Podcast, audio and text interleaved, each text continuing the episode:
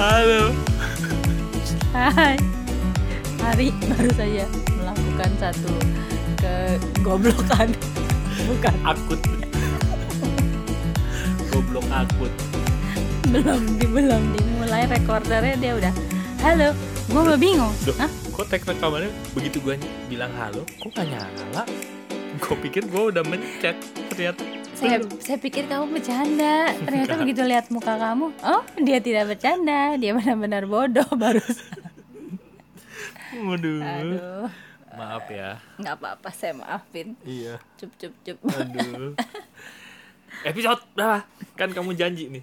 216. Wah, oke. Kok kamu kayaknya ngomongnya episode gitu. Nafsu banget sih. Biasa aja apa sih? Oke lah, kita ngobrolin soal rasa. Bumbu masak. Mbak, kok saya kepikirannya kari ayam ya begitu kamu ngomong rasa. Maksudnya? Rasa kari ayam gitu. Oh. Yang yang muncul di otak gue langsung kari ayam. Oh, iya sih. Kalau misalnya eh, mie instan gitu, saya sih kayaknya soto mie lah. Eh, kari ayam yang Ih, udah bungkus yang saya kuning. Nggak makan yang soto mie loh. Yang Eh saya beli kemarin. Buat ya? Nih ya banyak. Eh, warnanya apa? Ijo ya? Ijo. Soto mie. Iya. Oke lah, baiklah. Nah, gini ceritanya. Jadi sih? eh gue dapet nggak rusi sih lebih tepatnya dapat video tentang gudeg Mbah Lindu itu loh lo search deh di YouTube adalah ada film dokumenternya Atau Harus- yang mau dikirimin via WA. oh, boleh gitu nah enggak itu link YouTube Oh link YouTube. iya link YouTube tentang gudeg gudeg Mbah Lindu itu nah Rusi yang dapat di grup eh, Tapi gue malah nggak lihat.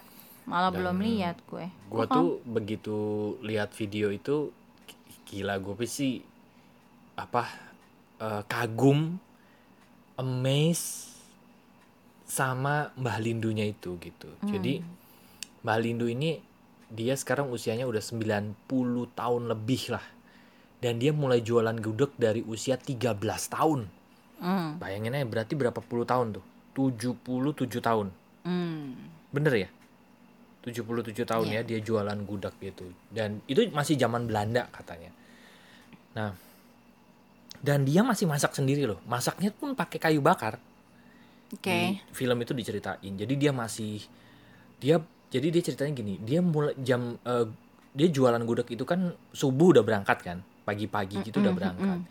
Ya siang-siang gitulah sebelum jam 12 pasti udah selesai lah ya. Biasanya sih Mm. pagi juga udah habis lah. Tapi lu tahu nggak? Dia mulai masak gudegnya itu mulai jam 2 siang. Jam 2 siang itu mulai masak gudegnya. Kok lama amat? Jam 2 siang masak gudegnya segala macam segala macam sampai nanti jam 7 malam selesai, api dimatiin. Hmm. Dan dia harus bangun lagi kurang lebih jam 3 pagi untuk masak nasi dan Oke. masak buburnya Ya, uh-uh. gitu. Dan itu dia lakukan selama 77 tahun. Mulai- Disiplin ya. Mulai tahun berapa tadi kamu bilang? Umur 13 tahun. Oh, umur 13. Umur 13. Nah, Ya. terus dia ditanya kan. Mbah, udah umur. Jadi dia udah tua banget ya. Lo nanti lihat YouTube-nya deh ya. Udah tua banget bahkan waktu jam 3 pagi dia bangun mau masak itu, itu dia begitu mau bangun dari kasurnya dan rumahnya masih gubuk sampai sekarang. Mm-mm, mm-mm. Begitu dia mau bangun dari kasurnya itu dia masih harus pelan-pelan gitu. Bahkan dia cobaan pertama untuk berdiri, dia jatuh lagi loh. Dulu? Dia jatuh lagi. Oh, dia nggak langsung jejak ya? Iya. Nah, cuman yang menarik pada saat dia masak Hmm. itu dia kayak punya energi gitu. Iya, iya, iya, iya, Gitu, benar-benar. Terus pas dia narik kayu bakarnya pun udah ya udah susah payah lah gitu. Mm-mm. Itu nggak ada yang bantuin dia ya? Ada anak-anaknya bantuin. Ah, oke. Cuman kan untuk tetap ramuannya tetap dia yang Dia buat yang kan, pegang, gitu. iya. Nah, dia ditanya sama yang buat filmnya ini, kenapa sih mbah masih tetap mau jualan gudeg gitu? Dia bilang gini, saya nggak mau ngerepotin anak dan cucu saya gitu. Terus dia tuh sampai begini, saya tuh sampai punya perasaan nggak enak gitu kalau saya satu minggu nggak jualan gara-gara sakit misalnya Mm-mm. pelanggan itu pada nanyain mbah kok nggak jualan kok nggak jualan segala macam jadi Hmm. dia tuh punya passion gitu kayak punya gairah untuk masakin orang gitu Iya, kayak jadi dia merasa kayaknya aduh kalau pelanggan saya udah datang jauh-jauh misalnya gitu kan iya. terus dia nggak buka itu kayaknya dia nggak bisa melayani itu yang bikin dia merasa bersalah ya Iya. Nah, dia malah kan udah disuruhin istirahat kan. Mm-mm. Dia malah bilang gini, kalau istirahat dia malah sakit. iya biasanya begitu Karena kan 20 77 tahun tadi kan Hmm, gitu. Nah, karena dia happy ngelakuinnya ngelaku- bener. Kecuali kalau dia yang udah males ya ya mungkin memang perlu Ya, istirahat ya udah. gitu Tapi ada satu kalimat yang buat gua sih gila itu sih kalimat keren banget menurut gue. Kalimatnya itu bilang gini, bahwa Balindu ini bekerja sebagai ungkapan syukur karena masih diberi umur. Wah, itu kalimat keren banget menurut gue. Tapi Keren, memang iya ya. sih. Lo kalau lihat pas dia masak ya, itu nggak kayak waktu dia bangun tidur yang kayaknya udah tua, lemes gitu. Tapi waktu Hmm. dia masak tuh kayak ya kayak bawah Kayak- sadarnya tuh otomatis gitu loh menggerakkan Iya, iya, tangan-tangannya. energinya keluarnya pas dia masak gitu ya Iya gitu. Nah, Hmm. terus ada satu hal yang gue pelajari banget dari itu ya, dari dari Video. video itu gitu bahwa besar kecilnya rezeki seseorang itu memang tidak bergantung sama pengetahuan yang dia miliki sebetulnya. Kayak Mbak Lindu kan mana ada Iya. pengetahuan-pengetahuan segala macam segala macam itu yang kita pernah bahas yang ribet-ribet nggak tahu yang mungkin dia nggak pernah tahu gitu Iya, yang kita pernah bahas lah di podcast. Seringkali orang nggak tahu resep suksesnya, tapi dia sudah menjalankannya dan akhirnya dia tetap berhasil kok sebetulnya. Yes, dia nggak ikut seminar, enggak, nggak ikut. Tapi dia sudah melakukan itu dan dia sudah hidup dengan prinsip-prinsip itu selama gitu. Eh, selama puluhan tahun hidupnya. Dan dia belajar langsung dari semesta gitu Iya, ya. benar. Dan gue cuma berpikir bahwa, eh, gue dapat pelajaran satu hal, besar kecilnya rezeki seseorang itu bergantung pada dia mau ngambil tanggung jawab Sebesar apa sebesar apa terhadap dunia dunia. terhadap ya. Iya. banyak orang yang ambil tanggung jawabnya hanya untuk dirinya sendiri gitu ya udah yang penting gua happy segala macam dan Ya itu nggak jelek, jelek, kalau dia jelek merasa sekali, happy. gitu. Cuma dia akan dikasih wadahnya ya cukup untuk dirinya gitu betul kan. betul ada orang yang lebih besar lagi dia yang penting keluarga gua happy Ya, eh it's dia akan good. dikasih wadah Iya, sebesar yang keluarganya butuhkan gitu Benar. kan. Hmm. tapi ada orang yang eh, ngambil tanggung jawab dia menghidupi banyak orang gitu lo kalau lihat pengusaha-pengusaha besar gitu ya mereka punya karyawan banyak itu mereka bilang gue nggak bisa tutup perusahaan gua semena-mena begitu Iya, aja Mereka mikirin Iya banyak orang yang hidupnya bergantung, sama Bergantung. gue gitu dia bilang. benar. Di teman-teman gue juga yang pengusaha-pengusaha grip selalu bilangnya gitu gitu. Kalau gue gue gue masih inget tuh omongan satu teman gue bilang ini. Kalau gue berhenti sekarang akan banyak karyawan gue yang berhenti juga hidupnya dia bilang. Makanya gue nggak bisa berhenti sekarang. Gue tetap harus tetap harus kerja dia bilang. Tapi menurut gue ya kalau gue jadi dia Mm-mm. mungkin dengan total aset yang dia miliki aja udah cukup loh. Mungkin kalau dia depositoin aja udah cukup lah untuk keluarganya gitu. Tapi dia belum berhenti karena dia masih mikirin banyak hajat hidup orang banyak yang masih bergantung dengan dia gitu. Dengan visinya dia, dengan kerjaannya dia, dengan tenaganya dia, dengan pikirannya dia gitu. Makanya nggak heran sekarang dia kaya raya luar biasa gitu. Hmm. Nah, dulu gue sempat berpikir gini, aduh, enak ya kalau nanti gue udah punya passive income yang gue pernah cerita ya pertanyaan mas gue sama Rusi gitu. Mm-mm. Kalau gue udah punya passive income minimum besarnya sama dengan gaya hidup keluarga gue, apa yang mau kita lakukan Dilakukan setelahnya, setelahnya. gitu. Nah, gue sempat punya pikiran bahwa ya enak ya kalau misalnya gue udah punya passive income sebesar itu kayaknya gue bisa leyeh-leyeh menikmati hidup gitu ya. Cuman kalau gue pikir-pikir lagi, wih jangan-jangan wadah gue yang terlalu sempit gitu. Dan eh, akhirnya gue menemukan gue sama Rusi sepakat. Sebelum podcast ini take rekaman gue ngobrol kan sama Rusi. Dan Rusi ngasih tahu sesuatu yang menarik buat gue dan gue setuju. Dan itu juga yang ada di bawah sadar gue yang gimana tadi Iya, kalau Ari kan bilang "Eh, enak ya leyeh-leyeh enak. Kalau gue udah lama mikir dan leyeh-leyeh akan membuat gue bosan gitu. Mungkin gue akan Iya, betul. mungkin gue akan seneng leyeh-leyeh tapi berapa lama sih gitu. Dan gue bilang sama dia kalau gue udah punya pikiran kenapa sih gue juga pengen kita bisa punya passive income karena sebenarnya kalau gue passive income yang besarnya sama dengan gaya Iya, hidupnya passive income yang intinya udah merdeka gitu kan, Iya, yang udah betul. bebas secara finansial udah Betul. nggak usah mikirin. Karena kalau yang eh, kalau teman-teman udah dengerin podcast ini udah lama pasti tahu bahwa orientasi gue tuh jarang sama duit Hmm. orientasi gue tuh lebih ke hubungan terus gue Hmm. ngerasa panggilan gue Hmm. dan juga Ari mungkin itu lebih untuk mm, edukasi orang Ya. Kalau gue lebih ke untuk bantu orang tuh apa ya sembuh lah gitu dari luka-lukanya Hmm. dan Karena kamu ngerasain dulu gitu kan. Mm-mm. Ya. Nah, karena gue udah punya orientasi itu dan merasa itu panggilan hidup gue, gue jadi ngerasa kalau ternyata gue harus menghabiskan hidup gue untuk eh, cari uang, Hmm. untuk kerja yang memang pikirannya untuk orientasinya uang, itu akan mengurangi banyak sekali waktu gue untuk melayani orang. Hmm. Jadi eh, begitu gue diperkenalkan sama konsep passive income itu match gitu karena menurut gue someday begitu itu sudah terjadi berarti gue sudah bisa pasrah soal Hmm. duit gue nggak usah mikirin lagi gimana gue bisa bisa pakai eh, sebagian besar waktu gue untuk hal-hal yang menurut gue emang berarti Yang memang Karena- panggilan hidup kita iya gitu ya. karena buat gue bukannya dibilang uang nggak berarti uang penting untuk tanggung jawab gue tapi Hmm. kalau dibilang berarti mana gue lebih menurut gue uang itu harusnya membantu gue untuk melakukan apa yang jadi panggilan hidup gue gitu Hmm. bukan gue jem- malah jadi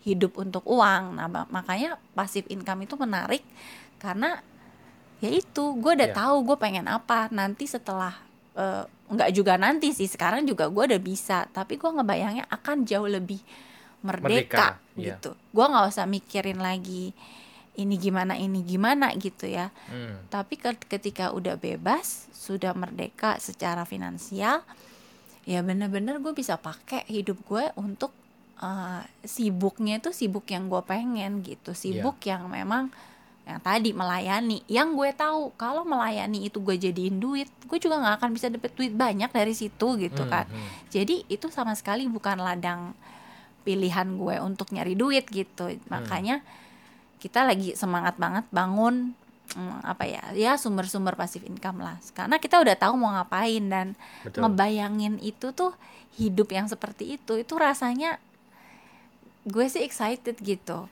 Iya. ketemu orang gue bisa ngelayanin gue bisa dengerin gue bisa bantu mereka sembuh mungkin gue bisa sharing apa yang pernah gue alamin gitu dan gue ngerasa ada banyak orang yang akan membutuhkan itu gitu jadi Hmm.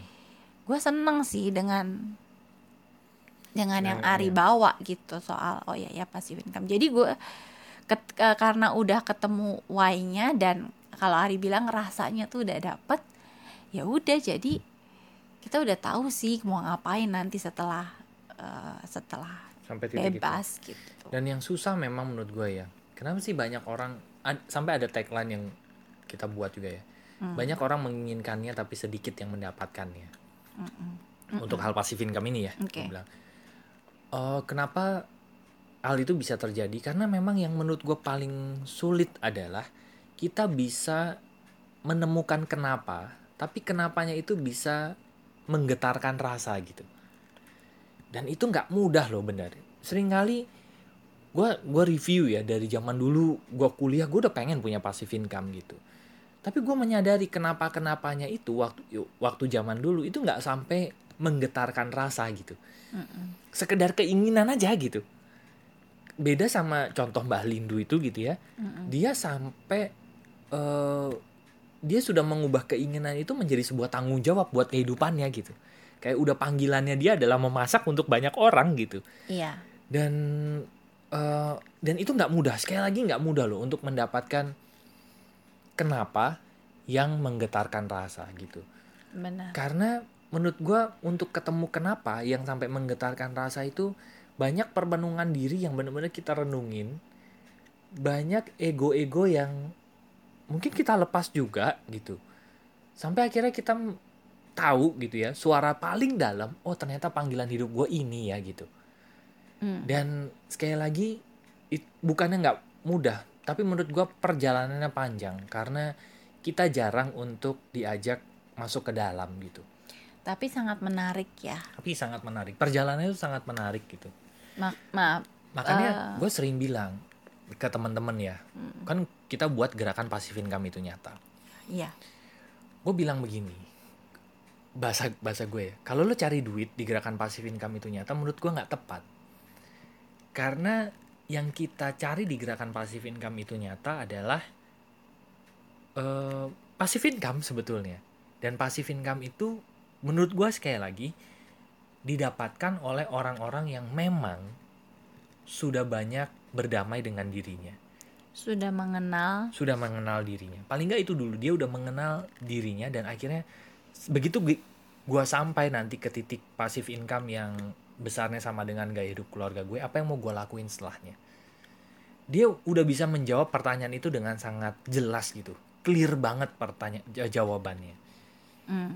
dan jawab pertanyaan itu uh, apa namanya awal-awal akan banyak keinginan-keinginan dulu yang muncul gitu kayaknya gue pengen yeah. abis itu gue pengen beli rumah pengen beli mobil pengen apa pengen apa sekali lagi itu nggak salah tapi banyak yang belum sampai ke titik iya. terdalam. Iya.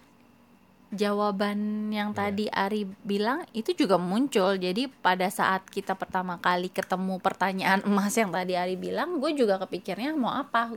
Kalau gue mikirnya kan gampang, mau rumah, mau sekolah, anak-anak sekolah terjamin Betul. sampai gede.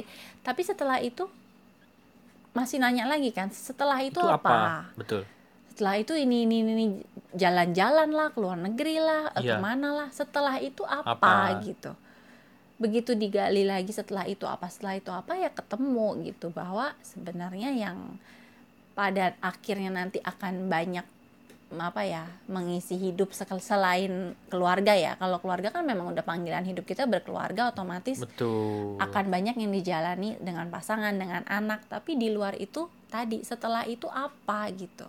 Ya itu ya kalau buat gue pribadi yang muncul adalah uh, apa ya menyadari bahwa panggilan gue adalah tadi untuk dengerin orang untuk bantu mereka uh, sembuh gitu. Yang seperti yang gue pernah alami lah kalau gue itu gitu. Ya betul betul. Jadi menemukan kenapa yang menggetarkan rasa itu PR panjang sebetulnya. Dan itu sebenarnya menarik karena selama ini yang gue pernah bahas ya maksudnya kalau ngomong bisnis kayaknya ya udah bisnis bisnis aja duit duit aja gitu dan uh -uh. tapi menarik ketika kita uh, menyelami ya soal pasif income dan gimana orang bisa dapet ke sananya gimana ternyata uh, teknisnya bukan soal cuma ya. soal ya. duit gitu bukan soal bisnis gitu ya iya bukan ya. cuma soal skill bisnis tapi ternyata orang-orang yang udah nyampe di sana perjalanan spiritual dirinya juga mereka ternyata udah selesai gitu. Jadi memang bener banget yang belakangan kemarin kita bilang di podcast berapa ya bahwa bisnis itu bukan uh, terpisah dari hidup. Bisnis itu bagian bahkan hanya satu bagian dari hidup gitu. Betul. jadi sebenarnya ketika kita mengenali hidup kita nih gue nih hidup ngapain itu uh, juga bisa membawa pencerahan untuk soal materi, soal finansial juga. Salah satunya itu kita jadi tahu buat apa sih uh, apa kalau misalnya gue emang layak untuk hidup melakukan apa yang gue lakukan berarti kan apa ya pasif income itu layak untuk gue lakukan mm-hmm. karena gue dilahirkan bukan cuma buat cari duit tapi ada tujuan lain kenapa gue di dunia ini gitu ya yeah. kan kayak gitu sih betul betul betul betul makanya uh, sebenarnya pada saat kalau kita ngobrol ya ketemu gitu akan banyak insight yang uh, kita akan bahas tentang passive income itu sebenarnya seperti apa yeah. sih yang mau kita bangun sekali lagi ya. Dan yang menarik adalah pada saat kenapanya ketemu kan menggetarkan rasa. Dan rasa ini akan menarik orang-orang dengan vibrasi yang sama. Yeah. dan itu menarik gitu. Gue ngelihat si Mbah Lindu itu ya lo bayangin ya mbak-mbak nggak tahu promosi medsos. Nggak tahu lah cara promosi segala macam gimana tapi warungnya laris loh didatengin orang. Bahkan warungnya biasa aja gitu bukan yang ya itu karena ya tadi dia sudah hidup dalam prinsip-prinsip kehidupan, kehidupan selama jadi, puluhan tahun jadi ya selaras aja. Bener jadi walaupun nggak tahu teknik-teknik yang iya. terkini gitu ya. Bener jadi kayak apa namanya yang kemarin podcast kemarin kita bahas gitu ya kita tuh punya asisten asistennya namanya semesta dan kita ya. sebelah bisa menyerahkan pekerjaan-pekerjaan yang rumit itu kepada dia sebetulnya kan Hmm. gitu Mana Kayak tahu dia kemarin bakal viral ya? iya yang kayak kemarin si semesta ini bisa jadi asisten ngasih tahu pasangan kita gimana yang benar Iya, ya sekarang malah bisa jadi asisten untuk promosi ya kan? Iya. Nah, ini asisten serba bisa ini enak ini Ya karena kan as you wish. Ya apa? Your wish, Your is, wish my is command. my command. Nah, cuman nge-hire-nya dia ini yang susah. dia sih sebenarnya selalu ngikutin kita, Pi. Yang Iya susah sih. adalah Kitanya Tahu. kan iya. tahu kita mau apa. Kadang-kadang kita maunya apa, nyuruhnya apa. Iya, ya benar Begitu semesta bawain yang kita suruh, kitanya kaget sendiri. Nah, Kok malah ini? ngomel-ngomel ya. Padahal kata semesta kan lu yang nyuruh. Iya. Tapi kan bukan ini yang gue mau. Iya kalau bukan ini yang lu mau, kenapa lu nyuruhnya ini? Berarti Iya. kan itu balik lagi perjalanan. Lu kenal dulu deh, lu ngobrol dulu sama diri lu. Lu maunya apa? Terus lu suruh gue yang bener. Iya, gitu. iya, iya. Kalau semesta Bener, bisa bener, ngomong mungkin begitu. Iya, berarti bukan hanya bulan bisa ngomong ya. Kalau bulan bisa ngomong. Ngomong-ngomong gitu gak sih? Ada gitunya gak sih? Nggak ada. Oh nggak ada ya? Nggak ada. Itu gara-gara Kenapa di kepala gue ada itunya Enggak, ya? itu gara-gara ada satu grup lawak yang begitu. Siapa sih? Empat. Lupa saya. Nggak tahu ya. Iya. Oke, oke. Itu kayak lagu Tonight ya. New Kids on the Tonight. Block. itu kan ada ekonya ya. Tapi kan gue inget banget waktu gue masih kecil sama koko cici gue kalau nyanyi eh ehonya itu selalu kita nyanyiin Tonight night. Tonight night. Padahal kan nggak ada night night. Kan cuman tonight gitu. Coba doang. ada ada Kayaknya night nggak- gitu. Kayaknya nggak enak aja kalau nggak Kalau ada, ada tonight, night. night gitu ya. Iya, Tonight ya. night. Nah, semesta itu juga kayak ego. Eh, ego. Kayak eko, eko. Eho. Opsi eho, eho. Ya kan? Kita maunya apa dia akan me- mengulangnya gitu kan. Membalikannya lagi gitu. ya ya ya. Oke deh, ini PR-nya banyak nih kemarin kita suruh apa ya? Kemarin PR-nya apa sih? Oh melepas ya, biar nggak dikit-dikit tuh kan, tuh kan, gitu. Sekarang ini PR-nya menemukan kenapa yang bisa sampai menggetarkan rasa. Mm-mm. Oke lah, baik teman-teman, bagi teman-teman yang ingin masih ingin ngobrol bareng kami, silahkan masuk ke website kami yaitu Lompatanhidup.com. nanti ada tiga page di sana, ada apa aja? Ada home, ada counseling dan event, dan ada Ya. bisnis. Home itu nanti page buat kita kenalan, buat Yes, chit chat, betul. buat nanya-nanya lah. Betul. Terus eh, di counseling dan event itu buat ada kontak WhatsApp, bisa bikin janji kalau perlu sesi Ya. Wah, konsultasi. ting, ting, ting, ting. Ingat nggak? Enak nih. Kita pernah bahas di podcast karena tukang bakso yang selalu konsisten lewat di Oh, jam iya, yang iya, sama. iya. Enggak, ini telat 5 Jadi menit ya. paling enggak mm, yang dengerin mungkin tahu oh ini jam bikinnya sama nih kayak jam podcast yang waktu itu. Hebat ya si Babang. Nah, Babang. Babang tampan. Babang. Iya. Tadi apa? Konseling dan event. Iya, Iya, buat teman-teman yang merasa perlu untuk eh, sesi konsultasi konseling tatap muka itu bisa kontak di situ dan juga ngundang kami event. Dan di page ketiga ada bisnis Hmm. yang sempat sekilas kita bahas tadi soal kenapa sih kita bahas pasif income ya karena itu nanti bisa Ada ditemukan ya Iya, betul betul. bisa kontak juga di bisnis kolaborasi apa bisnis apa dan mindset mindset apa yang kita dapat Ya. soal bisnis. Yes. Oke. Jadi terima kasih teman-teman sudah mendengarkan episode.